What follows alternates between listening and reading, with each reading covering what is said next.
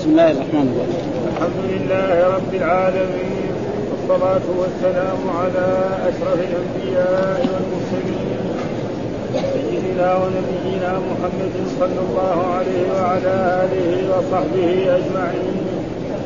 قال الإمام البخاري رحمه الله باب الخزيرة قال النظر الخزيرة من النخالة والحريرة من الدسم قال حدثنا يحيى بن بكير قال حدثنا الزيد عن عقيل عن ابن شهاب. قال أخبرني محمود بن الربيع الأنصاري أن عتبان بن مالك وكان من أصحاب النبي صلى الله عليه وسلم ممن شهد بدرا من الأنصار. إنه أتى رسول الله صلى الله عليه وسلم فقال يا اتى رسول الله صلى الله عليه وسلم فقال يا رسول الله إني أنكرت بصري فلا أصلي لقومي. فإذا كانت الامطار سال الوادي الذي بيني وبينهم لم أستطع أن آتي مسجدهم فأصلي لهم. فوجدت يا رسول الله أنك تأتي فتصلي في بيتي فاتخذه مصلى. فقال سأفعل إن شاء الله. قال عثمان فغدا علي رسول الله صلى الله عليه وسلم بكر حين ارتفع النهار فاستأذن النبي صلى الله عليه وسلم فأذنت له فلم يجلس حتى دخل البيت. ثم قال لي أين تحب أن أصلي من بيتك فأشرت إلى ناحية من البيت. فقام النبي صلى الله عليه وسلم فكبر. فصففنا فصلينا فصلى ركعتين ثم سلم وحبسناه على خزير صنعناه. فذاب في البيت رجال من أهل الدار له عدد فاجتمعوا. فقال قائل منهم أين مالك بن القسم فقال بعضهم ذلك منافق. لا يحب الله ورسوله. قال النبي صلى الله عليه وسلم لا تقل ألا تراه قال لا إله إلا الله يريد بذلك وجه الله. قال الله ورسوله أعلم. قال قلنا فإنا نرى وجهه ونصيحته إلى المنافقين.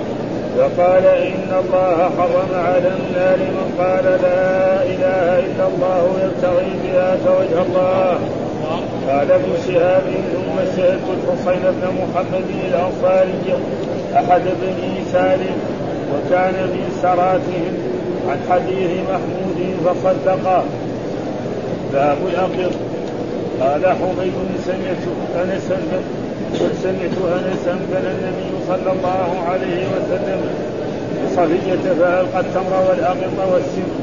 وقال عمرو بن أبي عم عن أنس صنع النبي صلى الله عليه وسلم حيثا قال حدثنا مسلم بن إبراهيم قال حدثنا شعبة عن أبي بشر عن سعيد عن ابن عباس رضي الله عنهما قال اهدت خالتي إلى النبي صلى الله عليه وسلم ضبابا واقطا ولبنا ووضع الضب على مائدته فلو كان حراما لم يوضع وشرب اللبن واكل الاقط باب باب السرق باب السرق والشعير قال حدثنا يحيى بن بكير قال حدثنا يعقوب بن عبد الرحمن عن أبي حازم عن سهل بن سعد قال إن كنا لنفرح بيوم الجمعة كانت لنا عجوز تاخذ اصول السرق فتجعله في جد لها فتجعل فيه حبات من شعير. إذا صلينا سرناها فقربته إلينا وكنا نفرح بيوم الجمعة من أجل ذلك وما كنا نتغدى ولا نقيل إلا بعد الجمعة. والله ما فيه شحم ولا ودس باب باب النهش وانتشال اللحم. قال حدثنا عبد الله بن عبد الوهاب. قال حدثنا حماد. قال حدثنا أيوب عن محمد عن ابن عباس رضي الله عنهما. قال تعرق رسول الله صلى الله عليه وسلم كتفا ثم قام فصلى. ثم قام فصلى ولم يتوضأ. وعن أيوب وعاصم عن عكرمه عن ابن عباس قال اغتسل النبي صلى الله عليه وسلم حرقا من كبر فاكل ثم صلى ولم يتوضأ. أعوذ بالله من الشيطان الرجيم. الحمد لله رب العالمين والصلاة والسلام على سيدنا ونبينا محمد وعلى آله وصحبه وسلم. باب الخزيرة. قال النضر الخزيرة من النخالة والحريرة من اللبن إيش معنى الخزيرة؟ يقول الخزيرة بخاء معجمة مفتوحة ثم زاي مكسورة وبعد التحتانية الساكنة هي راء هو ما يتخذ من الدقيق. يعني كناية عن حريرة. آه تقريبا يسمى حريرة في هذا العصر. يسمى مثل هذا. على هيئة العصيرة. يقول على هيئة العصيرة. العصيرة تكون متجمدة مع بعض. أما هذا فيكون يعني فيها شيء من الجهاز لكنه أرق منها يعني أرق منها. فإذا هو كناية عن حريرة أو شربة. ها؟ أنا اذا الخزيره يقول بخاء معجمه مفتوحة ثم زاء مكسورة وبعد التحتانيه الساكنة هي راقه ما يتخذ من الدقيق على هيئة العصيدة ولكنه أرق منها. فلما كان أرق منها يكون إيه؟ يعني كناية عن حريرة. نعم كنايه عن شربة ارق قال آه، الطبري. وقال ابن فارس دقيق يخلط بشحم. يعني فيصير هذا الشربة أشبه ما يكون. وقال آه، الفضلي وتبع الجوهري الخزيرة أن يؤخذ اللحم فيقطع صغارا ويصب عليه ماء كثير فإذا نجد ضر عليه الدقيق.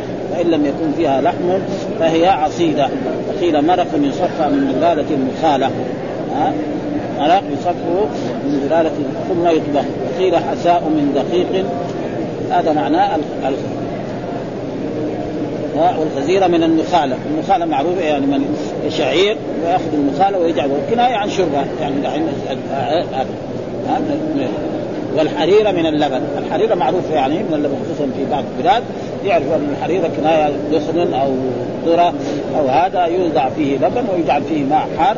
فيصير حريرة خصوصا أهل أفريقيا هم يعني يمكن الناس العرب يمكن يعني كذلك في البادية معروف يعني.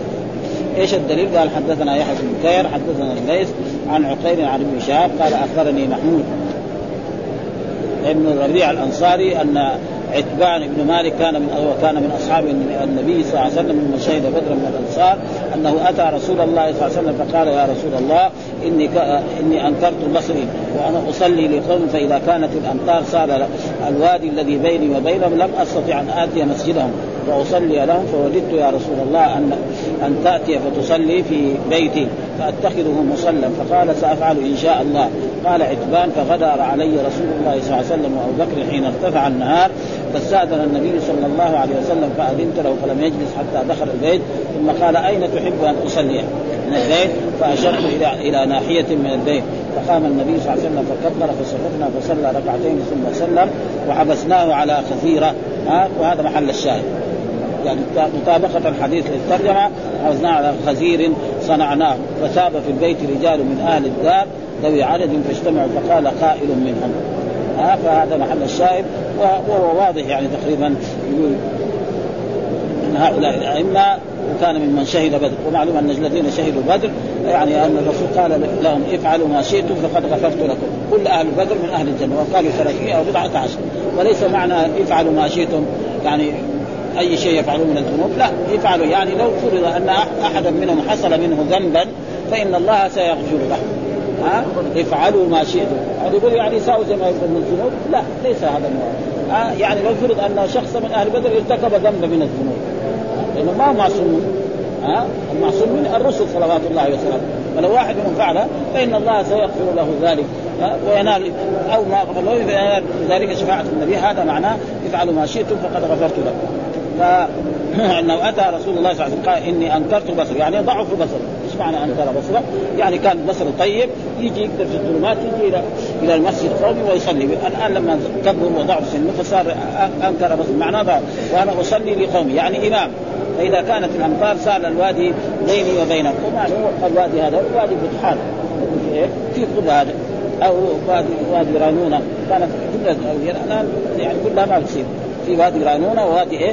كلها في هذه الجهة الجهة الجنوبية من المدينة. ويسمى كان يعني في المدينة هنا يسمى سير أبو جيل هذا الذي بطحان الذي يدخل فيه يعني. قال لو استطع آتي فاصلي فوجدت. يعني احب يا رسول الله صلى الله عليه وسلم أنك تأتي فتصلي في بيتي فأتخذه مصلى. يعني إذا كانت هناك أمطار وجاء السيل فيصير إذا جاء وقت الصلاة أصلي في بيتي. ومعلوم أن هذا من الأشياء الذي يجيز للإنسان أن يتخلف.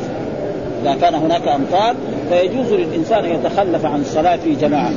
ليلة ممطرة أو مظلمة أو غير ذلك وقد حصل ذلك في صلاة الجماعة وفي الجمعة. حتى أن عبد الله بن عباس لما كان في الطائف مره من المرات في يوم جمعة قال للمؤذن اذا قلت حي يعني أشهد أن محمدا رسول الله فلا تقل حي على الصلاة ولا تقل حي على الفلاح قل صلوا في بيوتكم. فالناس استنكروا ذلك. كيف يعني يوم الجمعة ما نجي نصلي؟ يجادل معه ويأخذ ويعطي معه فقال فعله من هو خير مني.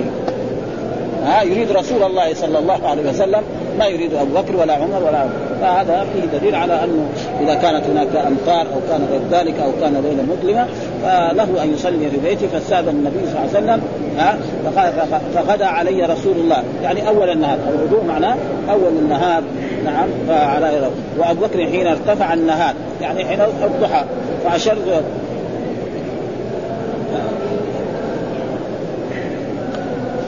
حين ارتفع النهار فاستأذن النبي. يعني سلم. السلام عليكم. أدخل. هذا معنى استأذن النبي. فأذنت له فلم يجلس حتى دخل حتى دخل البيت ثم قال أين تحب أن تصلي؟ فين تحب المحل الذي تتخذ هذا؟ نصلي نعم في بيتك. فأشرت إلى ناحية فقام النبي فكبر فصففنا فصلى ركعة. هذا فيه نقدر ناخذ دليل أنه لا بأس مرات يعني في صلاة النافلة يصلوا جماعة. لكن كل يوم لا. ها؟ يعني في دليل أن الرسول ما كان دائما في النوافل يقعد يصلي جماعة لكن في مرة من المرات إذا دخل بيت وأراد شخص يتبرك بهذا أو دحين في عصرنا هذا رجل من طلبة العلم ومن العلماء دخل إلى بستان شخص أو دار شخص وقال له خلينا نصلي ركعتين. فصلوا جماعة يعني لكن كل يوم أو كل أسبوع لا مرة من المرات هذا يمكن يكون جائز. فقام صهيب فصلى ركعتين ثم سلم وحبسناه على خزير. هذا هو. ها؟ خزير هو الذي فسره بهذه الأشياء. يعني هو ما يتخذ من الدقيق على هيئة العصيدة لكنه أرق منها. هو كناية عن حريرة أو كناية عن شبه وهو دقيق يخلط بشحم. آه هذا معنى. فثاب في البيت. يعني لما سمع الناس انه إن الرسول في دار عتباد جو. لأنه الرسول صلى الله عليه وسلم في دار عتبان جاء واحد جاء الثالث جاء الرابع صاروا عشرة صاروا عشرين يمكن صاروا خمسين. ها؟ ها؟ يتبرك برسول الله صلى الله عليه وسلم وليس فيه.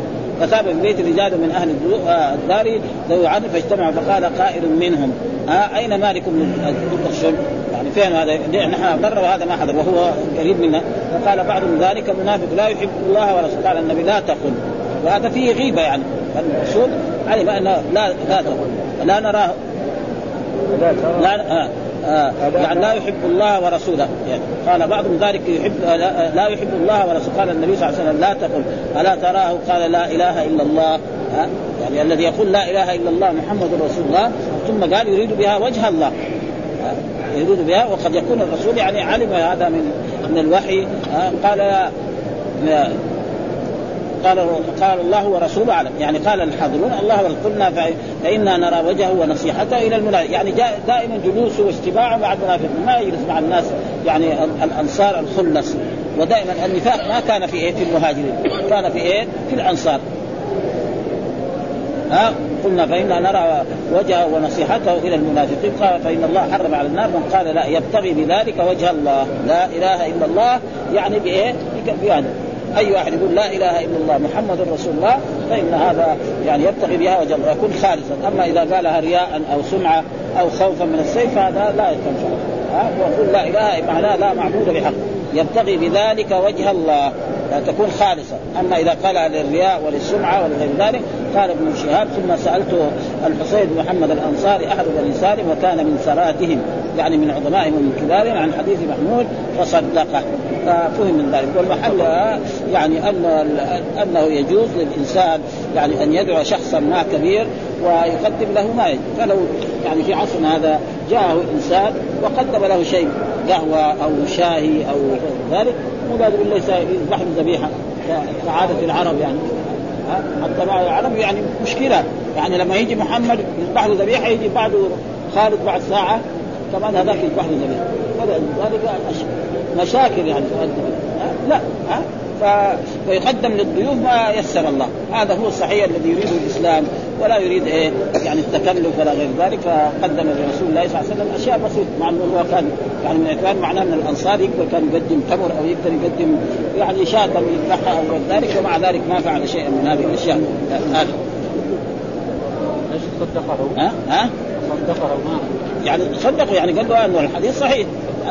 ابن شهاب آه هنا ما في ابن شهاب موجود. أخبرني محمود. هذا. ابن شهاب راوي عن محمود ومحمود إيه؟ من ربيع الأنصاري أن عتبان. فبعد ذلك قال ثم سألته الحسين بن محمد. سأل الحسين بن محمد الأنصاري يعني واحد آخر غير محمود هذا انه روى عن محمود ثم سأل عن هذا أحد بني وكان من صلاتهم يعني إيه؟ كذا من حديث محمود فصدق. يعني ما ما اكتفى بروايه ابن شهاب عن محمود. بل كذلك سأل واحد من كبار الأنصار الذي هو الحسين بن محمد الأنصاري. فقال له هذا صحيح وأنه حصل من هذا من عتبان وهذا. قال والحسين وقد قدمت في الصلاة أن القابس رواه بضاد معجمة ولم يوافق على ذلك. ونقل المفتين عن الشيخ أبي عمرو قال لم يدخل البخاري في جامع الحضير يعني بالمهملة. يعني يعني ما في في في جامع البخاري بالضاد. كل الموجود في صحيح البخاري حسين بالصاد. حضير ما فيش ابدا. ها؟ ابدا. اخره وادخل الحسين بمهملتين ونون يشير بذلك إلى أن مسلما أخرج لاسيد بن حضير ولم يخرج له البخاري وهذا قصور من من قال فإن اسيد بن حضير فإن لم يخرج له البخاري من رواياته موصولا لكنه علق عنه يعني في تعليق لكن وقد وقع ذكره عنده في غير موضع فلا يليق نفي إدخاله في كتابه يعني قول ادخال لو يقول مثلا ما روى عنه باتصال هذا يمكن.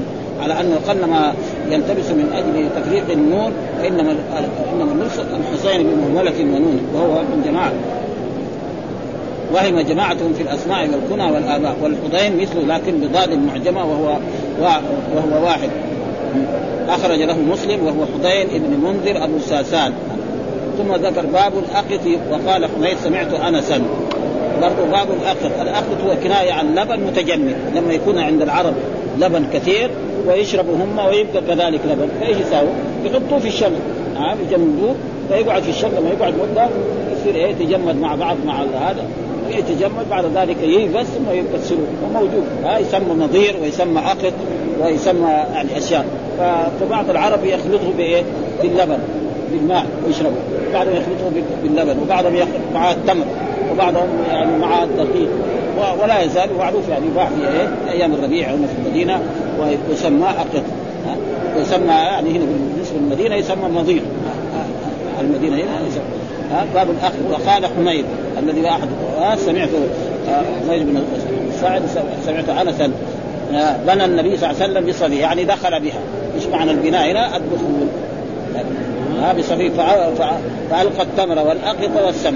يعني مو لازم الرسول قال مثلا لعبد الرحمن ها؟ أو لم ولو بشاء يعني لازم الوليمه إلا تكون بشاء أو بلحم الجواب لا ها؟ فهذا رسول الله صلى الله عليه وسلم يولم على صفية نعم بالتمر والاخر التمر يوضع في يعني وعاء مثلا والسن ويأكل. وقال عمرو بن أبي عمرو عن أنس صنع النبي صلى الله عليه وسلم حيسا والحيس هو كناية عن تمر مع السمن مع الدقيق. ها؟ ولا يزال هنا معروف في المدينة أنه حيث يؤتى بالدقيق ويجعل على النار ثم يؤتى بالسمن والدقيق ويخلط ثم بعد ذلك يصير لذيذ. ويكون مع مع التمر ويسمى حج وقد تقدم لنا في الصيام أن الرسول دخل مرة على عائشة فقال هل عندكم شيء في غير رمضان؟ فقالوا ما عندنا. قال إذا إني صائم. ومرة يعني دخلوا قال إني صائم فقال هل عندكم؟ قالوا نعم قال عندنا حيث فقدم الحيث فأكل. ولذلك جاء في الأحاديث الصحيحة المتطوع أمير نفسه. المتطوع أمير إن شاء صام وإن شاء رجل مثلا صام يوم الاثنين. ولما جاء الظهر أراد يفطر. تفضل يفطر. ما في شيء. وان كان بعض الناس يعني كرهوا ذلك أو منعوا ذلك ها وقال ولا تبطلوا أعمالكم الظاهر ما دام الحديث صحيح خلاص. فإذا إنسان صام وأراد يفطر نفل له ذلك بدون سفر وبدون شيء. أما إذا سافر هذا شيء آخر. إيش الدليل؟ قال حدثنا مسلم بن إبراهيم حدثنا شعبة عن أبي بشر عن سعيد عن ابن عباس رضي الله عنهما قال أهدت خالتي إلى النبي صلى الله عليه وسلم ها التي هي حميده تقدم لنا يعني جاءت من هذا ذبابا وهو جمع ضب وهو معروف أشبه يعني تقريبا بالفات بس انه ما كبير واختا ولبنا فوضع الضب على مائدته يعني طبخ ووضع فلو كان حراما لم يوضع لم يوضع في مائدة الرسول. لو كان حرام لم يوضع. إذا وضعه إنسان والرسول بعيد ورآه كان يمنعه. يقول لهم لا ها؟ فهذا دليل على أن إيه؟ ثم تقدم لنا أحاديث أن خالد بن الوليد اجتره يعني جروا قدامه واكلوا على مائدة رسول الله صلى الله عليه وسلم. فهذا دليل على أن الضب حلال. فالذي يبغى يأكله ياكل ولا ما يبغى فالرسول قال إني أعافه. يعني أقرف منه. يعني ما هو في بلدنا. وهذا والظاهر إنه كثير يعني. هنا في يعني أنا الوادي هنا حول المدينة يعني قليل نحن خروجا من الباديه ما رأينا لكن في نجد بكثرة هائلة.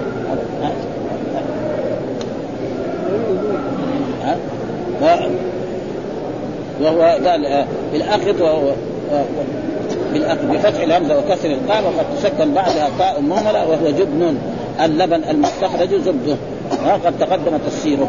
ها؟ ومعروف أن الرسول قال يعني زكاة الفطر صاع من تمر أو من بر أو من زبيب أو من شعير أو من اخذ فاخذ البادية ابدا يخرج الاخذ صاع ثم باب السلخ والشعير. وذلك باب السلخ والشعير. ها؟ إيش هو؟ هو مثلا شعير يعني كنايه كذلك عن شربه فهذا لا بأس أن الإنسان الضعيف يفعل مثل هذه الأشياء يقدم أي شيء ويكفي ذلك عن رسول الله صلى الله عليه وسلم لا يحقر أحد لاحد شيئا. ولو فرس نشاة لا تحقرن جارة لجارة ولو فرس نشاة فشربة قليلة من من شيء من من الشعير أو من السلك، السلك معناه خضار. معروف يعني في المدينة هنا في خضرة يسمى السلك يوضع مثلا مع ويوضع مع الفاصولية وغير ذلك هذا هذا معروف. هذا والشعير معروف. فكانت هذه المرأة عجوز من الصحابيات كانت تفعل ذلك كل جمعة. وكان الصحابة الضعاف هذول مثل أبي حازم كان يفرح بيوم الجمعة عشان يدخل عليها وتقدم له هذا الطعام معناه رسول الله وأصحابه ما حصلوا زي ما حصلوا لحم يأكلوا يعني خرفان ولا فالسلق معناه خضار. والشعير معروف. آه إيش الدليل؟ قال يعني جائز أن يقدم هذا للضيوف. إيش الدليل؟ قال حدثنا يحيى بن بكير حدثنا يعقوب بن عبد الرحمن عن أبي حازم عن سهل بن سعد. قال إن كنا لنفرح بيوم الجمعة وهنا إن مخففه من الثقيلة. إن اصله كان إن ها المشدد الذي تنصب المبتدأ وترفع الخبر. وإذا خففت في الغالب أنها تهمل وتدخل على على فعل ناسخ. يعني هذا أكثر ما دائما إن المكسورة إذا خففت نعم تهمل وتدخل على فعل الناس. كثير يعني تدخل على كان وأخواتها ومثلا ظن وأخواتها وكاد وأخواتها. وهنا دحين إن كنا ها إن اصل كان كنا لنفرح وهذه اللام اللام الفارق التي تفرق بين إيه؟ إن النافية وإن المخفف من الثقيل. وهذه اللام تدخل في إيه؟ في التي هي المخففة من الثقيلة. ها مخففه تدخل وأما النافي فلا تدخل. مثال ذلك القرآن يقول إن عندكم من سلطان بهذا. ما في إن عندكم لسلطان. ما ها؟ لأنه إن عندكم من سلطان إيه؟ يعني ما عندك. ها؟ والسلطان هو الحجه فاذا إن كنا لنفرح. ولذلك واحد قد يظن طالب لام التعليل لا. ها؟ فلذلك لنفرح. اللام لا. يعني واقع هذه في خبر. إن المكسورة اللام الفارقة ونفرح فعل مضارع مرفوع بالضم الظاهر والفاعل مستتر والجملة من نفرح في موضع خبر لكان. كنا في يوم الجمعة كانت لنا عجوز. ولا يقال عجوزة. عجوز يعني إيه؟ هذا غلط. يعني الناس يقولوا مثلا المراه عجوزة. هذا غلط. وهذا موجود في اللغة العربية كثير حتى القرآن. ها؟ عجوز. هذا بعد شيخ وكذلك عن امرأة لوط. أنا عجوز عقيم. فعجوز لا وكثير هذا موجود ألفاظ في اللغة العربية لا يفرق يعني تجي كذا صبور وجريح وغير ذلك.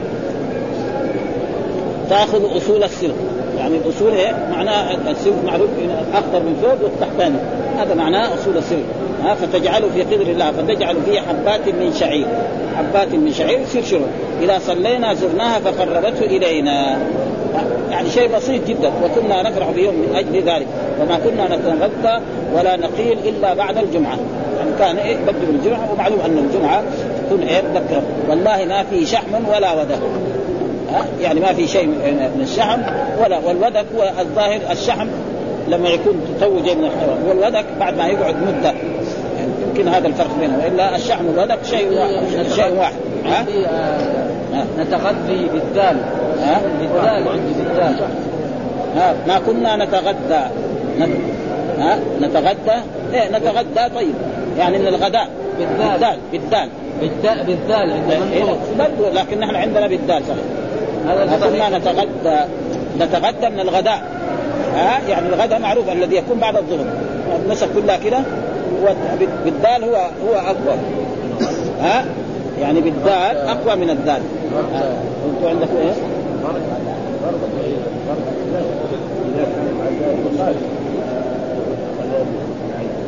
لأن الغداء الغداء الأكل. الغداء لكن الغداء إيه؟ ما يأكل الإنسان بعد الظهر. ها؟ الفطور يفطر به. الغداء بعد الظهر. الليل اللي يتعشى به أو مساء يسمى عشاء. ها؟ فنتغدى بالدال هو أقوى من إيه؟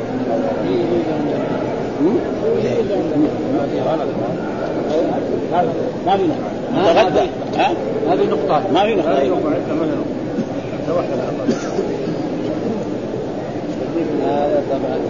ولا نقيل. القيلولة هي النوم بعد بعد يعني يوم الجمعة. يعني بعد الجمعة بعد ما يصلوا الجمعة ويرجعوا إلى بيوتهم يقيلون. والقيلولة هي النوم يعني قبل الظهر. إما قبل قبل قبل قبل الظهر نعم قبل صلاة الظهر أو بعد الظهر أو بعد الجمعة. يقول باب السلق بكسر السين المهم نوع من البقل. يعني إيه؟ من الخضار نقول معروف فيه تحليل لسد الكبد ومنه صنف أسود يعقل البطن يعني إيه؟ يعني يمنع إذا فيها إسهال. ثم ذكر المصنف حديث سالم بن سعد في قصة العجوز الذي كانت تصنع لهم اصول السر في قدر يومه وقد تقدم شرحه في كتاب الجمعة. واحيل واحيل بشيء منه على كتاب الاستئذان وقد فرقه البخاري في حديثين من رواية أبي غسان عن أبي حازم.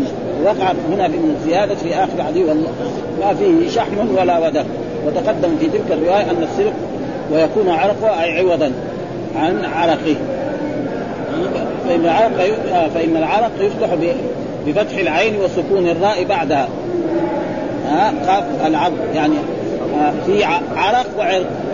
فالعرق بفتح العين وسكون الراء بعدها هذا إيه؟ العظم اللي يكون عليه لحم. العظم لما يكون عليه لحم هذا يسمى عرق. والعرق هذا يعني الخضار. في فرق بين هذا وهذا. ها العظم عليه بقية اللحم فإن لم يكن في عليه لحم فهو عراق يعني عظم. فصرح بهذه الرواية أنه لم يكن فيه شحم ولا ودك وهو بفتح الواو والمهمل بعدها وهو الدسم وزنا ومعنى وعطف على الشحم من عطف الأعم على يعني ما في شيء من إيه من السم يعني أبدا. وفي الحديث ما كان عليه السلف من الاحتصار والصبر على قلة الشيء إلى أن فتح الله تعالى لهم الفتوح العظيمة فمنهم من تبسط في المباحات ومنهم من اقتصر على الدون مع القدرة زهدا وورعا. يعني لما لما يفتح الله على على الرسول وصارت الغنائم وصار الفيء بعضهم صار يتنعم ياكل من اللحم وياكل. يعني لا تحرم طيبات نعم وبعض الصحابة لا ما باقي على ما كان عليه. وهذا زي ما يقول إنسان جاءته الدنيا وزهد فيها. أما إنسان ما حصل الدنيا يقول زاهد هذا ما يصير ها؟ وإن تعدوا نعمة الله لا تحصوها وإذا أنعم الله على عبده يحب أن يرى أثر نعمته عليه. ها؟ فلا بأس أن إيه يعني يظهر آثار في في مأكله وفي مشربه وهناك إذا إنسان يعني زهد في الدنيا أقبلت عليه وزهد. فهذا لا بأس هذا الأصول. ليش الورق؟ ينكر الورق؟ ها؟ لا الأصول معنى التحتاني. أيوه الورق. الفوقاني هذا الأخضر. وهذاك الأصول التحتاني. هذا معنى يعني معروف السلك هنا موجود. إلا يخرج من الأرض. أيوة من تحت هذا هذا هذا الاصول والفوقاني هذا البقل الخضار ها؟ ثم ذكر باب النهش وانتشار اللحم. باب النهش النهش وانتشار اللحم. في هنا يعني هذه تروى بالنهش وبالنهش. ها؟ بعضهم رواها بالنهش. إيش معنى النهش؟ معنى يخرج اللحم ويكون فيه عظم ويأكل باسنانه ها؟ ها يعني ياخذ يقطع اللحم بأسنانه. وإنه جاء في الحديث فإنه أهنأ وأمرأ وخصوصا العرب هذا ألذ عندهم. ها؟ يمكن دحين الناس العزائم الإفرنجية ولا هذا ما فيها يقطع بإيه؟ بالسكين وبالشوكه اهنى ما يكون. والرسول ذكر أنه اهنى ابدا والانتشال معناه انتشال اللحم يعني يكون إيه؟ يكون اللحم في مرق يعني في قدر أو في مرق أو في وعاء في مرق فيقوم ينزل اللحم أو العظمة فيها اللحم ويقوم إيه يخرجها من إيه؟ من نفس الوعاء. هذا انتشال. انتشال معناه إخراج. آه. هذا معناه. انتشل الشيء معناه اخرجه فيكون مثلا ما يعني وعاء أو صحن أو ماعون فيه إيه لحم وفيه مرق فيكون هو يخرج قطع من اللحم أو قطع من اللحم مع هذا فيسمى هذا انتشال هذا معنى الانتشال فإذا معناه جائز. وهل يعني وهذا عشان يرد على بعض يعني هناك من الناس يرى من العلماء إنه لا يقطع اللحم بالسكين إنما يقطع بإيه؟ لا. ولكن الصحيح جائز. ها جائز قطع اللحم بالسكين سيأتي الآن حديث بعد ذلك أن الرسول صلى الله عليه وسلم كان في مكان وكان يأكل ثم لما أذن نعم رمى السكين وقام ولم يتوضأ وصلى. فإذا جائز. ومعلوم أن اللحم الذي كان يطبخه العرب غير لحمنا الآن. اولا اللحم يعني بعضهم يعني يحب اللحم يكاد بس يعني تو استوى ما استوى طيب لكن أسنانه طيبة. ابدا ما يقدر وأسنان الخربانة دي ما يقدر هو حتى لو استوى ما يقدر يأكل. ها ابدا ها. والناس الأولين صار السواك له فوائد عظيمة جدا. فلذلك باب النهش وباب النحس. ها؟ وانتشار اللحم يعني إخراجه. ذكر. إيش معنى النهش؟ قال النهش بفتح النون وسكون لا بعدها شين معجمة. هذا بمعنى النهش أو مهملة. فيجوز النهش والنحس. دائما. إيش المهمل؟ شين. معجمة شين. ها؟ الصاد يقول صاد مهملة. صاد. صاد معجمة ضاد. هذا كذا معروف هذا. الآن يعني أولادنا الصغار ما عندهم. أول كان التعليم كان طيب جدا. كان يعلموه حروف الهجاء. من الألف إلى الياء. يقعد مدة يحفظها. الحين الطلاب الصغار لو قلت ولدك ويكون عمره في سنة أولى وسنه ثانية يقرأ لنا حروف الهجاء بالترتيب ما يعرف. ما يعرف. ليه؟ لأنه أول ما يدخل يقروه يقروه الفاتحه ويقروه جمل كذا. فيصير ضعيف. ابدا. يمكن ابدا ما يستطيع يعني. خلاف الأولين ابدا. يعرف حروف الهجاء يعني يحفظها ابدا. يقعد مده من الزمن. ثم بعد ذلك يقرأ يقرأ بالفتحة ثم بالكسرة ثم بالضمة ثم بالسكون فيتقن حروف الهجاء تماما. الآن لا نهار ما يدخل يقروا الفاتحة غيبا. عمياني وعلى كل حال يعني التعليم بعد ذلك حتى فهذا. وبه جزم الجوهري وهو القبض على اللحم بالفم. هذا إيش هو الناس؟ قال هو القبض على اللحم بالفم. ها يأكل كده. ها؟ وإزالتها وغيره. وقيل بالمعجمة هذا. وبالمهملة تناوله بمقدم الفم. بالمهملة انها ساء بمقدم الفم. وقيل النحس بالمهملة للقبض على اللحم ونثره عند الاكل قال شيخنا في شرح الترمذي الأمر فيه محمول على الإرشاد. ها؟ يعني على الإرشاد. ومعلوم أن الأمر تارة يكون للوجوب تارة يكون للند تارة يكون للاستحباب إيش الدليل؟ قال حدثنا عبد الله بن عبد الوهاب حدثنا حماد بن بن زيد حدثنا أيوب عن محمد وهو محمد سيرين عن ابن عباس رضي الله تعالى قال تعرق رسول الله صلى الله عليه وسلم كتفا. هذا معنى التعرق معناه يأخذه ويقطع كذا يأخذه. هذا معناه تعرق. رسول الله ثم قام فصلى ولم يتوضأ. ها؟ إيش التعرق؟ أن يأخذ اللحم بعظمه ويقعد يقطع باسنانه وياكل جزءا جزءا حتى هذا معناه تعرق ها كتفا. أخذ كتف بيده وصار يأكل. ثم قام فصلى ولم يتوضأ. وهذا دليل على أنه ترك الوضوء مما مست النار. يعني هذا من الأحاديث الذي استدل بها ترك لأنه في أحاديث الوضوء مما مست النار. الرسول أمر كل يعني طعام مسته النار لازم يتوضأ في أول. ثم بعد ذلك نسخ ذلك وترك الوضوء مما مست النار مثل هذه الأحاديث. ولذلك أصحاب السنن كده يأتوا الوضوء مما مست النار ثم إذا انتهى يجيوا إيه؟ ترك الوضوء مما مست النار. إلا في لحم الجزور، أما لحم الجزور فالأحاديث صحيحة ويجب على المسلمين وعلى طلبة العلم إذا أكلوا لحم الجزور أن يتوضاوا، ليه؟ لأن يعني الأئمة قالوا إذا صح الحديث فهو مذهب، والرسول سئل أنا أتوضأ من لحوم الغنم؟ قال اي شيء، أنا أتوضأ من لحوم البقر؟ قال أتوضأ من لحوم الإبل؟ قال نعم. ها؟ يعني ما فهذا هو الواجب على ومعناه فهذا و... ثم ذكر الحديث الثاني وعن أيوب وعاصم عن عكرمة عن ابن عباس. قال انتشل النبي صلى الله عليه وسلم عرقا من قدر. ها؟ من قدر معناه إيه؟ يعني دخل يده في إيه؟ في القدر وأخذ. يكون في في بيته أو في ها؟ ثم صلى ولم يتوضأ. هذا برضه مثل مثل الأول.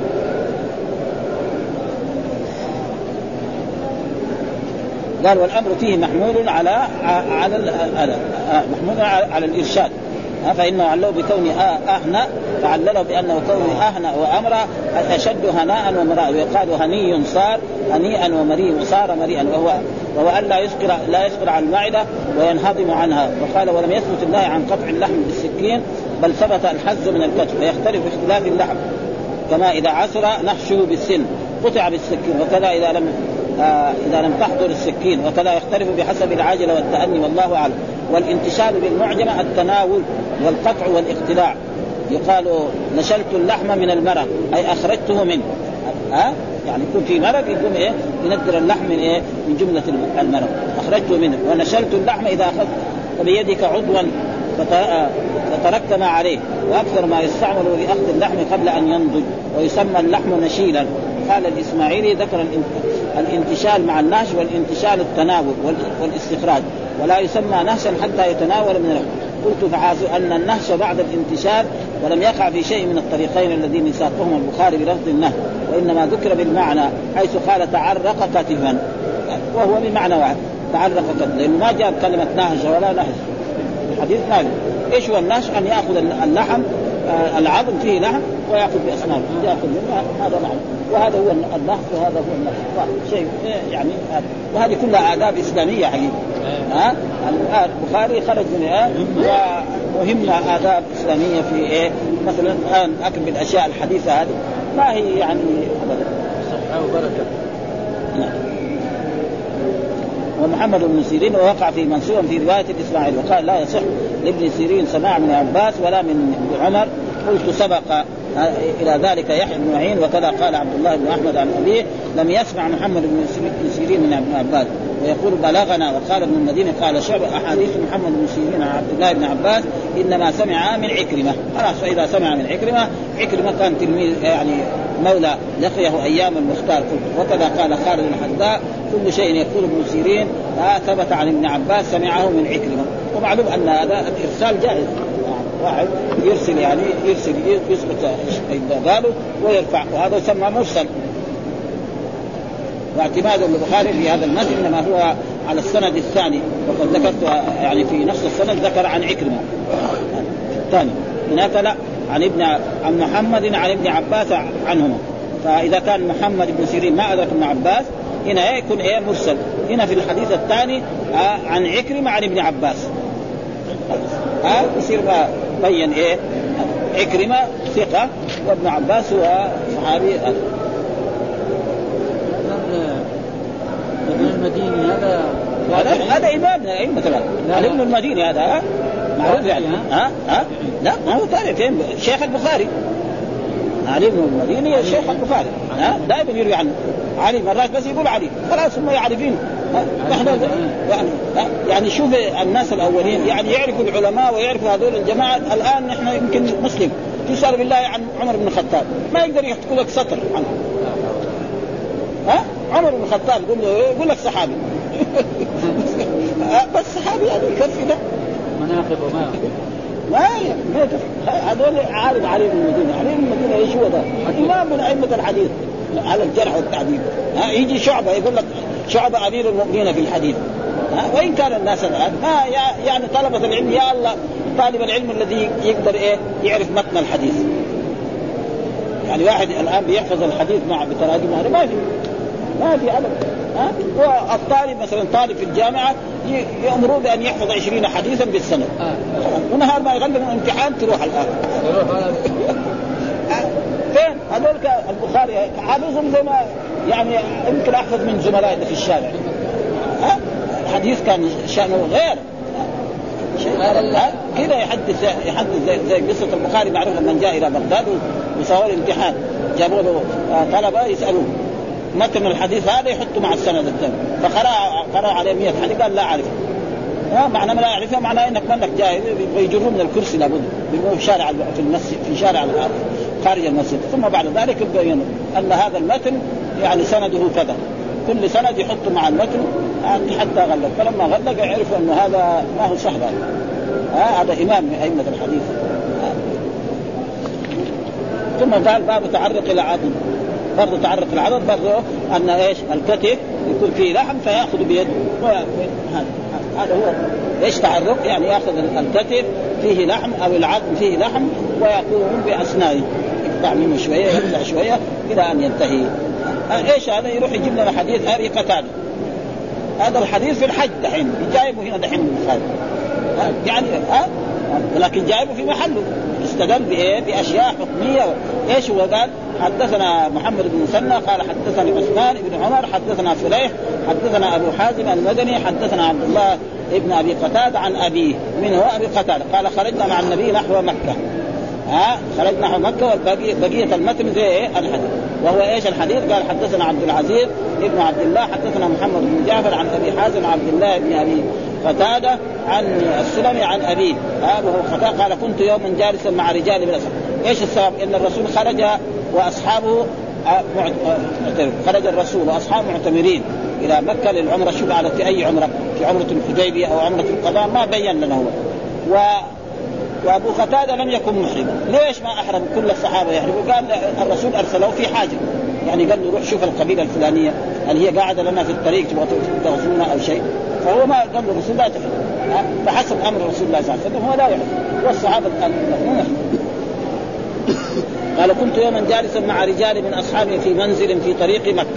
يعني جينا في محطة من المحطات ونزلنا ورسول الله صلى الله عليه وسلم نازل أمامنا. معلوم أن الرسول يعني تقدم ونحن خلفه والقوم محرمون. جميع الجماعة الذين كنت أنا جالس معهم محرمون. وأنا غير محرم. ليش غير محرم؟ لأن الرسول بعثني في حاجة من حاجاته. ها قال لي إذهب إلى الجهة الفلانية انظر هل هناك في لنا أعداء أو كذا أو شوف لنا الطريق أو غير ذلك. هذا. فأبصروا حمارا وحشيا. أبصروا حمار يعني الجماعة الذين كانوا محرمين أصحابه حمارا وحشي. والحمار الوحشي إيش؟ في حمار أهلي وحمار وحشي. الحمار الأهلي حرام. الرسول حرمه. يوم خيبر. حرم إيه؟ الحمر الأهلية. إيش الحمر الأهلية؟ الذي ما تشر اذا رات الإنسان.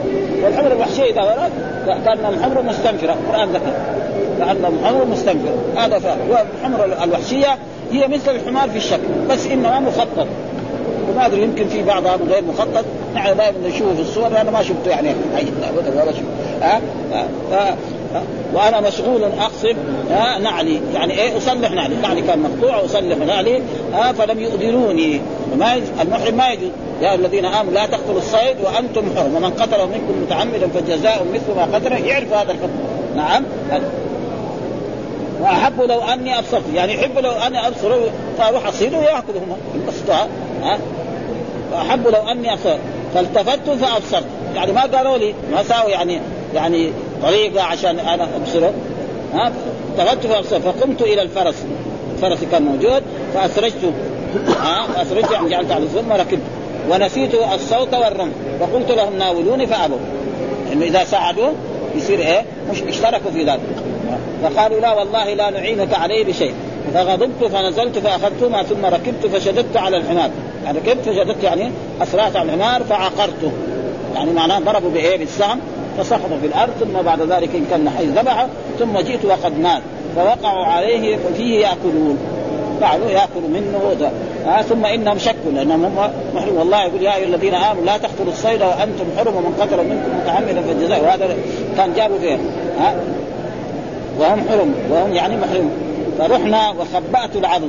يعني فرحنا بعد ذلك قلنا من المحطة ومعي فأدركنا رسولا فسألناه عن ذلك. سألناه هل هؤلاء أصحاب أصحابك محرمون؟ وأنا لم أكن محرم. فلما رأيت بثمار الوحشي نعم ركبت فرسي وطلبت منهم أن يناولوني الصوت والرمح فأبوا فنزلت فأخذته ثم عقلت فهل لنا أن نأكل فظل الرسول يعني أعطوني. فأعطى فأعطى الرسول العظم.